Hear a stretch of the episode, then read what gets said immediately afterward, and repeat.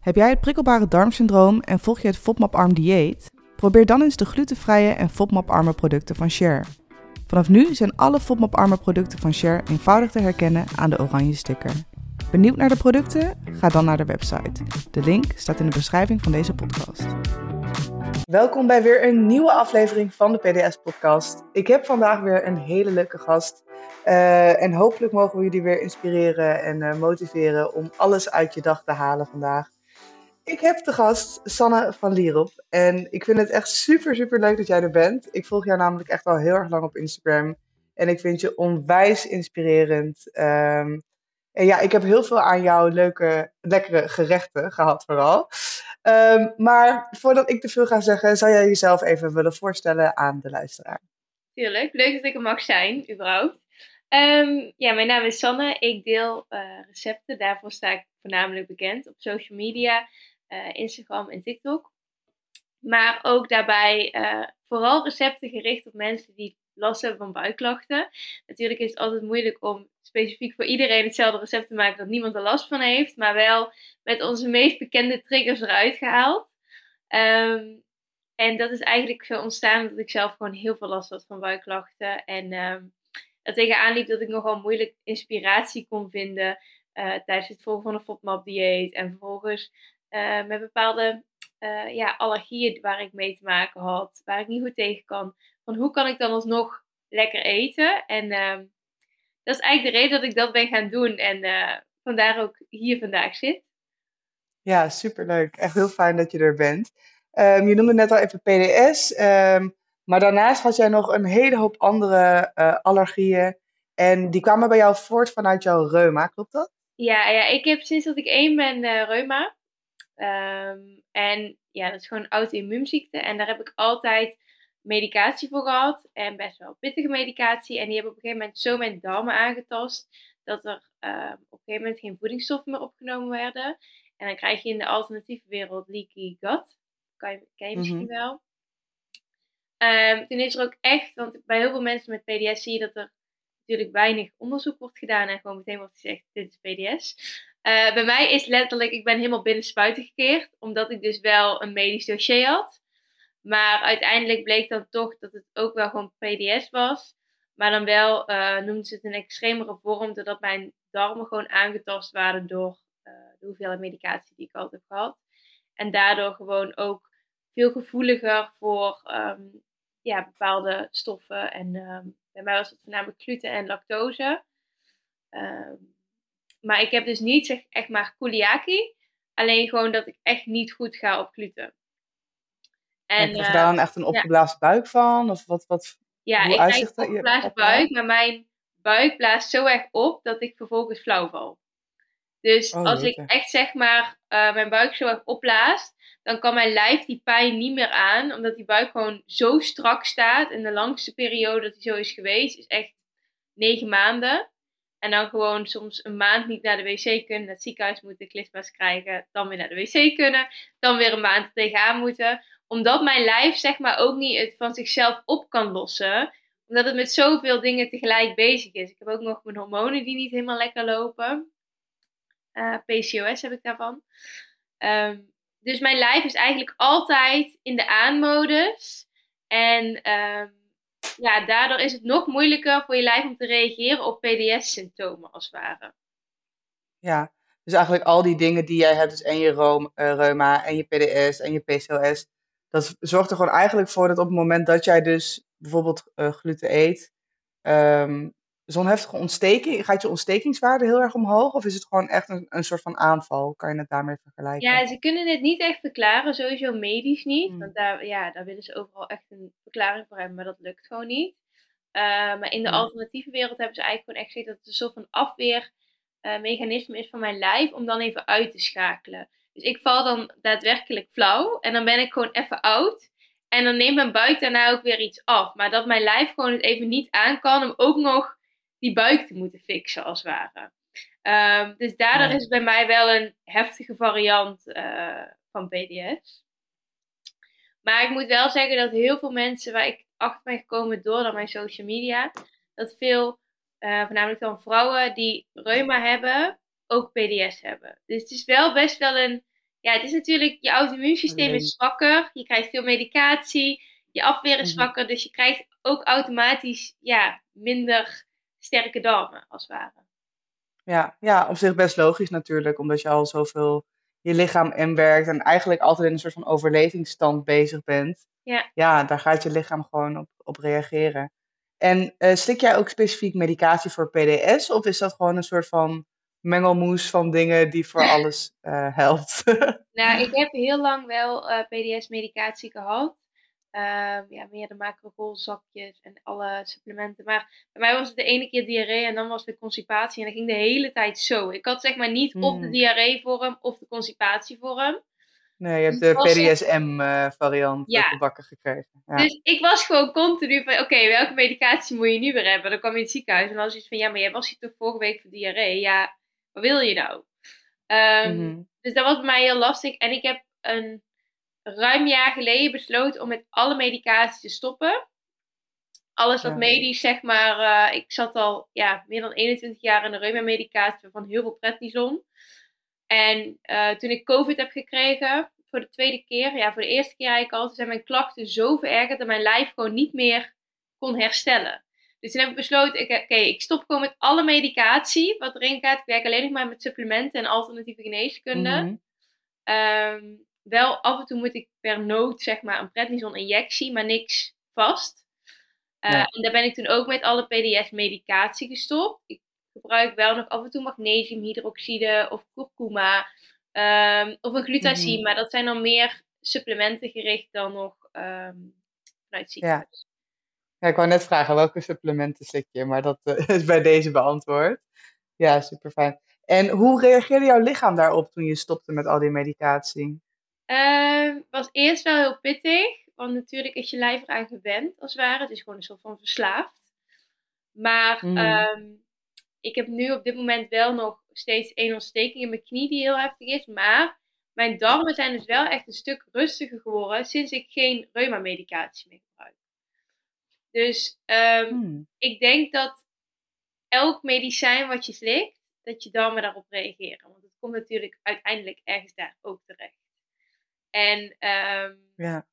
je ziet gewoon dat heel veel mensen die medicatie gebruiken wel ergens bijwerkingen hebben. Op de korte termijn of op de lange termijn. En ik wilde gewoon van die troep af.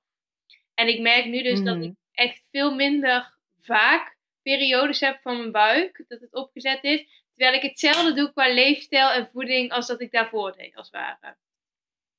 Ja. En heb jij ook heel veel soort van alternatieve geneeswijzen geprobeerd voor de dingen die je hebt? Uh, best wel. Ik, ja, ik heb op een gegeven moment echt van alles geprobeerd. Dat ik naar een uh, soort van uh, Indiaan ging, die dan met een hond op de bank zat. En die kon het dan wel even fixen.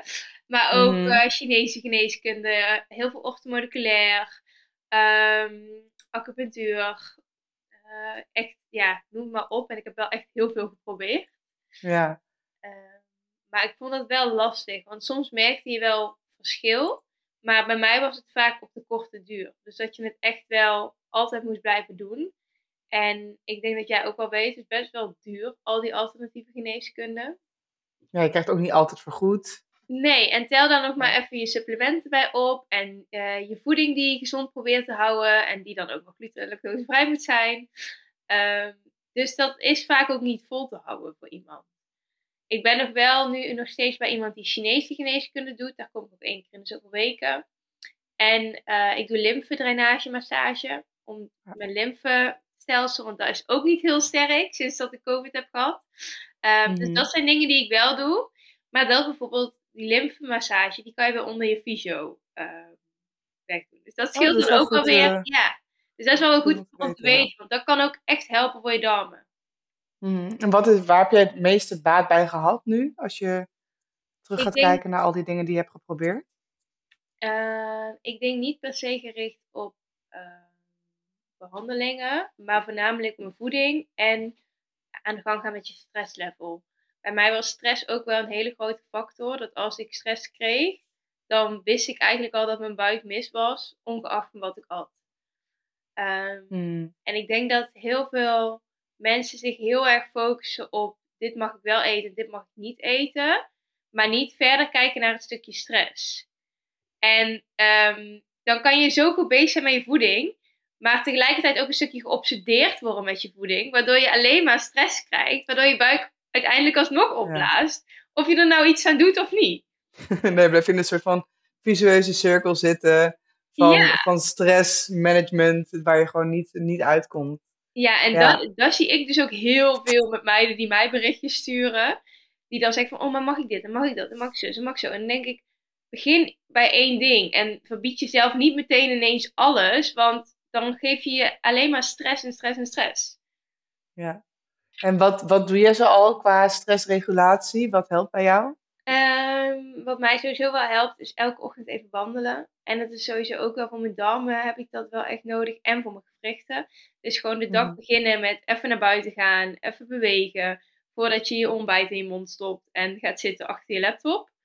Um, en ik, doe, ik deed vroeger heel veel krachttraining. Uh, dus echt kracht of hit. En nu doe ik bijvoorbeeld pilates, uh, yoga. Dus ook zeg maar afwisselen in beweging. Want elke keer als jij hit gaat doen, dan stel je eigenlijk je lijf ook in een soort stressmodus.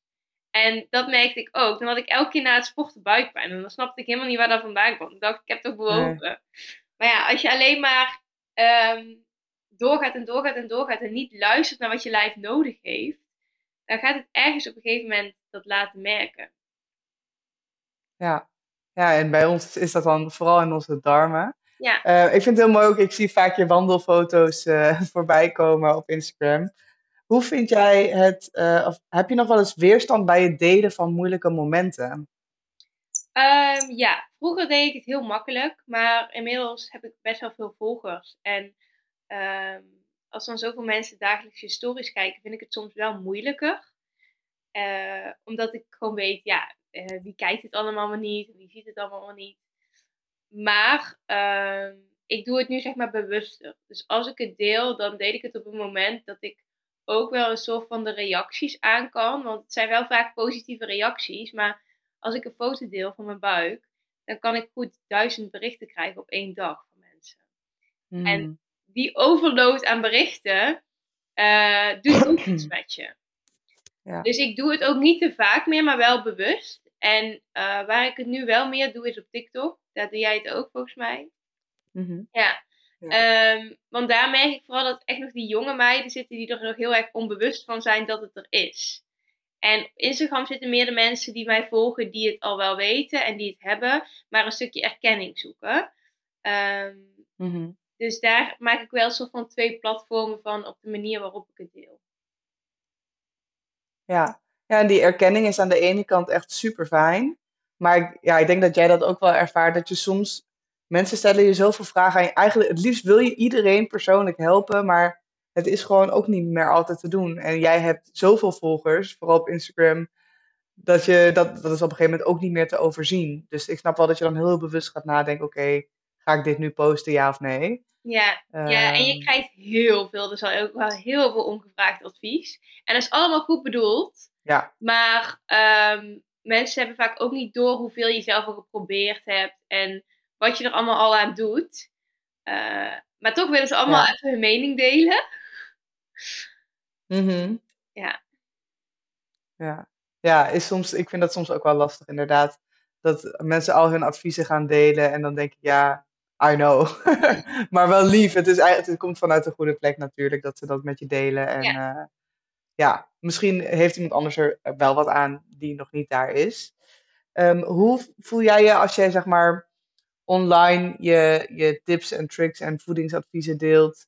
Um, wat, wat is jouw grootste missie daarachter? Wat zou je ermee willen bereiken? Of wat wil je ermee bereiken en wat bereik je daar al mee? Um, ik denk dat een hele grote missie voor mij is, zowel op het reuma-vlak als het PDS-vlak, dat mensen zich niet alleen voelen. Ik heb dat heel veel ervaren en nog steeds is social media.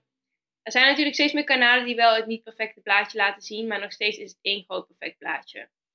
En um, ik heb me echt zo vaak onzeker gevoeld als ik met die dikke buik um, naar school ging. Of uh, dat ik weer met een mega oversized sweater liep, omdat ik maar wilde dat niemand het zag. Mm En we zijn het allemaal maar aan het verbergen.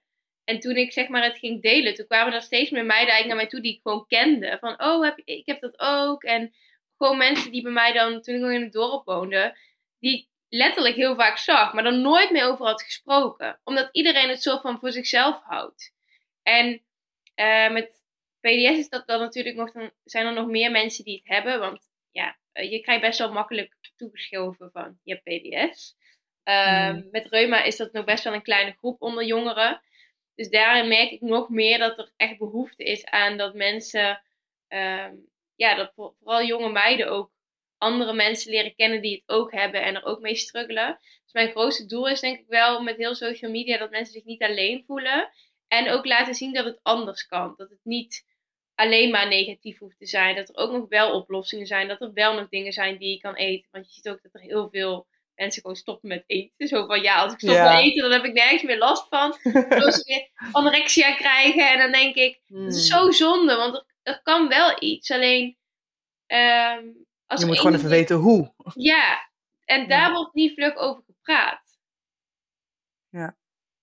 En jij deelt natuurlijk echt superveel recepten en je hebt ook leuke e-books geschreven en heel veel eigenlijk ja, soort van handvatten voor mensen die dit hebben.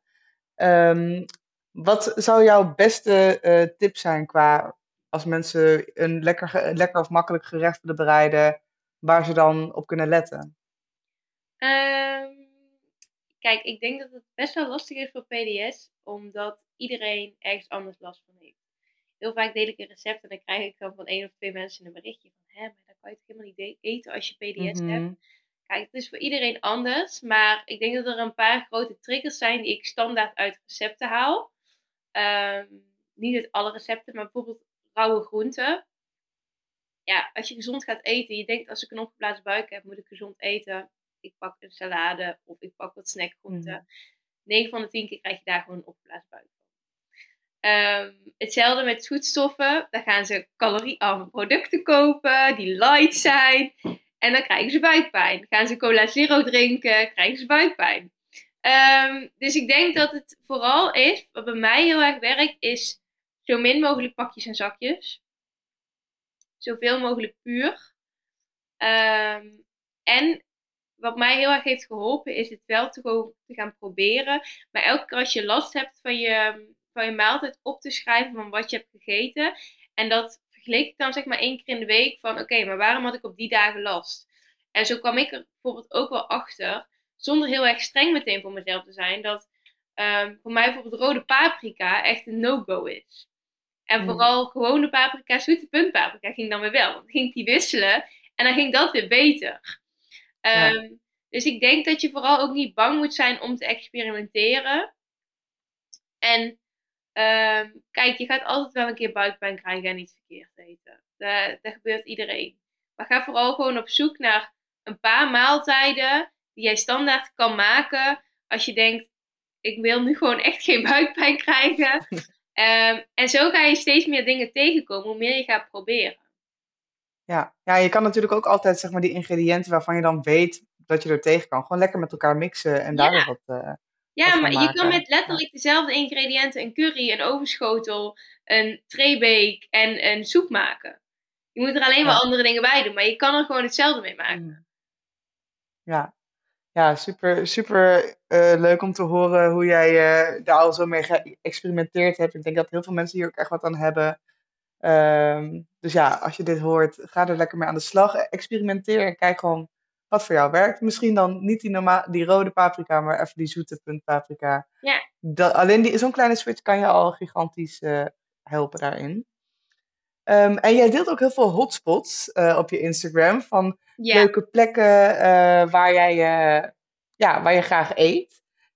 zou je voor mij misschien, ik weet niet of je het uit je hoofd weet hoor, maar heb je een top drie van, van plekken waar je heel graag komt in Nederland? En waar zitten ze? denken. Ja, ik ga heel. Maar dat is natuurlijk vooral de plekken waar ik zelf kom, omdat ze bij mij in de buurt liggen. Mhm. Maar um, in Eindhoven zit een, um, een lunchtentje, heet Happiness Café. Daar ging ik heel vaak lunchen met vriendinnen, omdat die gewoon eigenlijk alles in hun assortiment gluten, lactose vrij kunnen maken. En uh, ze hebben gewoon bananenbrood en havermoutmuffins. Alle, allemaal lekkere dingen, zonder dat er uh, soja aan toegevoegd is, als het ware. ja, want dus soja is natuurlijk ook weer een, een trigger voor veel PDS'ers. Um, even denken, dan... Hier in Den Bosch heb je een heel lekker uh, tentje ook in de Korte Putstraat. En dan kun je lunchen en dineren Noemen. Die vind ik ook wel heel Hoe heet het? Noemen. N-O-E-M-M-E. Ja, leuk. En die hebben ook veel uh, vegetarische en vegan opties. Want ik kies er vaak wel voor buiten de deur om vegan te eten. Omdat ik dan uh, in ieder geval geen lactose binnenkrijg. Mm um, en in Utrecht zit ook wel een heel leuk tentje. En dat heet Gies. Ik weet niet of je dat kent. Nee, zeg maar niks. I-S. En die hebben bijvoorbeeld, um, volgens mij ook alles vegetarisch en vegan. Maar ook allemaal lekkere zoete dingen, gluten- en lactosevrij. En ook op hun menu heel veel gluten- en lactosevrij. Maar zo, uh, zo zijn er overal wel plekjes. Maar ik vind het vooral leuk om dat te delen. Omdat echt mijn grootste hobby is uit eten gaan en buiten de deur lunchen. Maar ja, 9 van de 10 keer dan kom je ergens en dan kan je letterlijk een salade eten. En uh, that's it. Ja. ja, en ik denk ook dat veel PDS'ers vinden het überhaupt heel erg lastig om uit eten te gaan. Dat ze niet weten of ze het mogen of hoe ze erop reageren. Ja. En ja, mijn beste tip daarvoor zou zijn: uh, deel met je omgeving waar je last van hebt. Want op het moment dat mensen weten dat jij een trigger uh, kan krijgen doordat je iets verkeerds hebt gegeten, die, re die reactie van de ander kan al jou heel erg geruststellen. Op het moment dat iemand raar reageert op, oh, oh heb je nu een keer buikpijn, hoezo? Of moet je nou een keer naar de wc, wat is er dan? Als ze het gewoon weten, dan stelt je dat ook wel weer gerust op het moment dat je dus ergens gaat eten. Ja. Um, ja, je hebt ook tegenwoordig de hoge nood app natuurlijk. En ja, eigenlijk als je over, en de medische toiletpas, die is ook heel fijn. Die kan je gewoon aanvragen online. Um, maar mocht je dat eng vinden om buiten de deur te eten, vertel het in ieder geval tegen het gezelschap waar je mee bent, want dat kan al uh, heel erg helpen. Ja, en... Hoe was het voor jou om je voor het eerst uit te spreken over PDS, dat je dat had? Um, ja, voor mij was het meer dat vrienden zoiets hadden, oh, dat ook al. Zo van, de meid heeft nog iets bij. Maar um, mm -hmm. ja, voor mij is het nooit zo'n heel groot ding geweest. Ik vond het meer een ding dat ik met die dikke buik liep. En dat als dan een vriendin zei, ik heb een opgezette buik. Dan keek ik naar die buik en denk ik, meid, ik zie niks. Want als je mij een buik dan vergelijkt met die van jou, dan... Ik, ik draag een kind onderhand. En um, daar schaamde ik meer voor. En ik vond het... Nou, ik, ik vond het niet moeilijk om het te zeggen. Maar ik vond het moeilijker, zeg maar, om er last van te hebben als mensen erbij waren. En uh, dat ik dan al vlug zei van ik kom niet als ik bijvoorbeeld een opgezette buik had en we gingen op stap. Omdat ik me dan gewoon niet op mijn gemak voelde met die buik. Of um, kijk, je gaat bijvoorbeeld niet heel lekker uit eten als je gewoon mega buikpijn hebt en je een hele erge druk op je mm -hmm. buik. En als je dat dan zegt tegen mensen, dan zeggen ze, ja, waar, waar heb je dan wat van? Als je dan PDS zegt, dan hebben ze iets van, ja, maar dan kan je toch in principe gewoon uit eten. Mm -hmm. um, dus ik denk dat ik het dat lastiger vond, maar ik vond het lastiger zeg maar, om dingen af te zeggen dan uh, te zeggen wat het was. Ja, precies. Maar dat mensen ja. niet echt. Ja, ik denk dat er heel weinig mensen zijn die er begrip voor hebben, pas als ze het zelf ervaren. Maar ja, dat is eigenlijk mm. alles. Ja, want het is, het, ik heb ook wel eens buikpijn of ik heb ook wel eens hoofdpijn. Dat ze dat zegt tegen mensen met migraine. Ja, ja. je weet het echt pas als je het zelf hebt. Absoluut. En ja. ik denk ook, um, iedereen heeft iets heftigs in zijn eigen mate. Kijk, ik zei net van iemand anders die dan tegen mij zegt dat een opgeblazen buik heeft, dat ik het niet opgeblazen vond. Maar dat kan voor die persoon wel heel heftig zijn. Mm. En ik denk dat er uh, heel weinig respect is voor de mate waarin mensen dingen ervaren.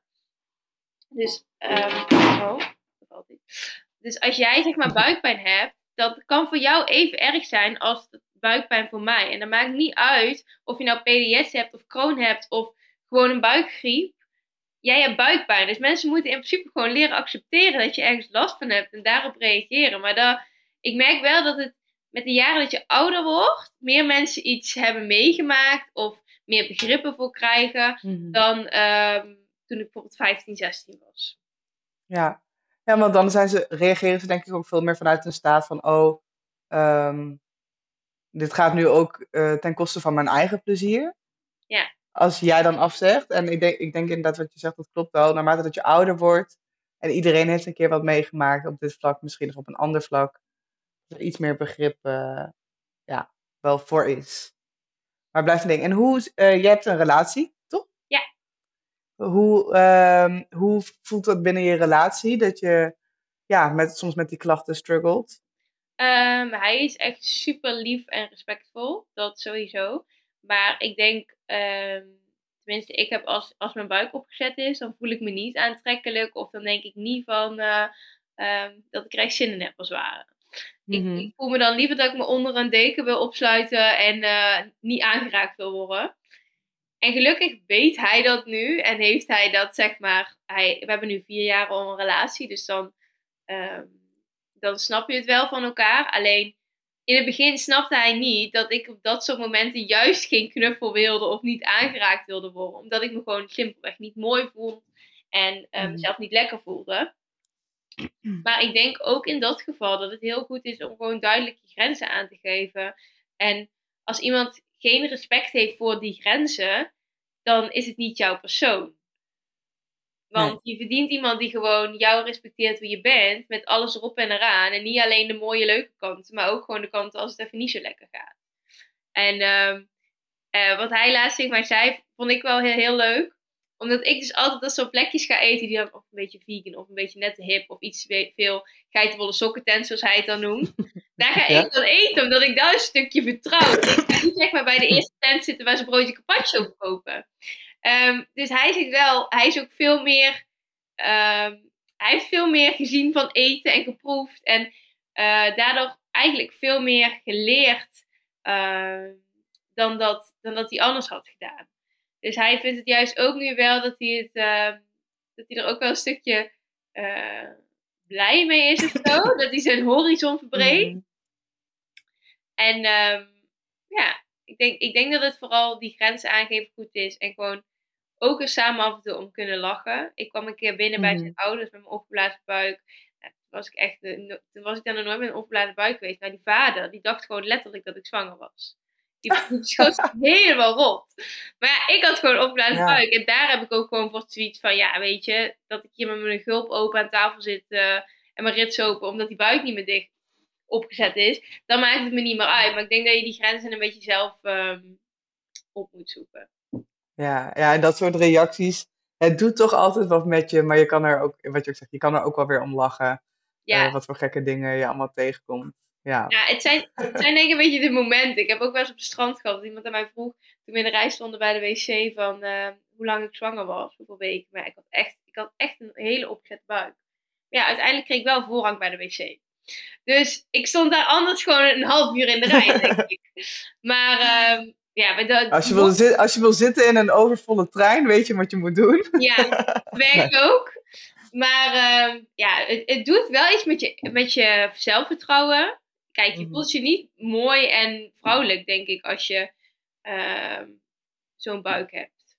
Dus niet dat je dan denkt, ook oh, trek even een crop top aan uh, en ik ga op mannenjacht. Maar ja, het, um, het hoort erbij. En ik denk niet dat je je, je plezier dat moet, door moet laten verpesten. Dat je bijvoorbeeld niet meer naar het strand mag gaan omdat je buik is opgezet. Ja, kan je dat voor jezelf een beetje loskoppelen? Zeg maar, dat zelfbeeld wat je over jezelf hebt op het moment dat je dus een opgeblazen buik hebt. Um, en je PDS en hoe je daarover voelt? Soms wel, soms niet. Ik, um, ik denk niet dat ik me heel mooi kan voelen als mijn buik is opgezet.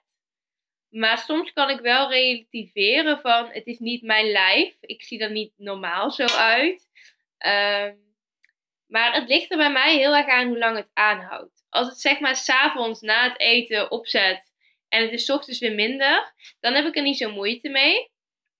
Maar soms blijft het weken of maanden aanzetten. En dan ga je ineens in je hoofd denken van dit is mijn lijf. Terwijl het is niet je lijf, het is je buik die op is gezet.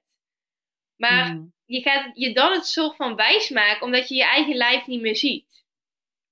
Ja, ja. Ja, het, blijft altijd een ding, denk ik. Ja. Het, het, blijft lastig, maar denk zolang we het blijven relativeren, dan, uh, dan moet dat wel goed komen. En het is ook gewoon een stukje omarmen van dat wat je hebt. Ja, uh, absoluut. Niemand is perfect en we hebben allemaal onze kwaaltjes wel eens. Ja. Maar, maar het mag er ook gewoon zijn. Wat uh, kunnen we van jou verwachten in 2023? heel veel recepten. Ehm, maar ook wel een stukje meer persoonlijke dingen.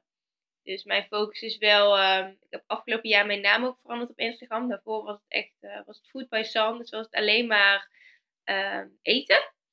En mhm. ja, tegenwoordig vind ik het dus ook wel leuk om steeds meer ook net als hotspots te delen. Uh, maar ook tips. Ik heb laatst een keer een paar posts gedaan over supplementen die ik gebruik.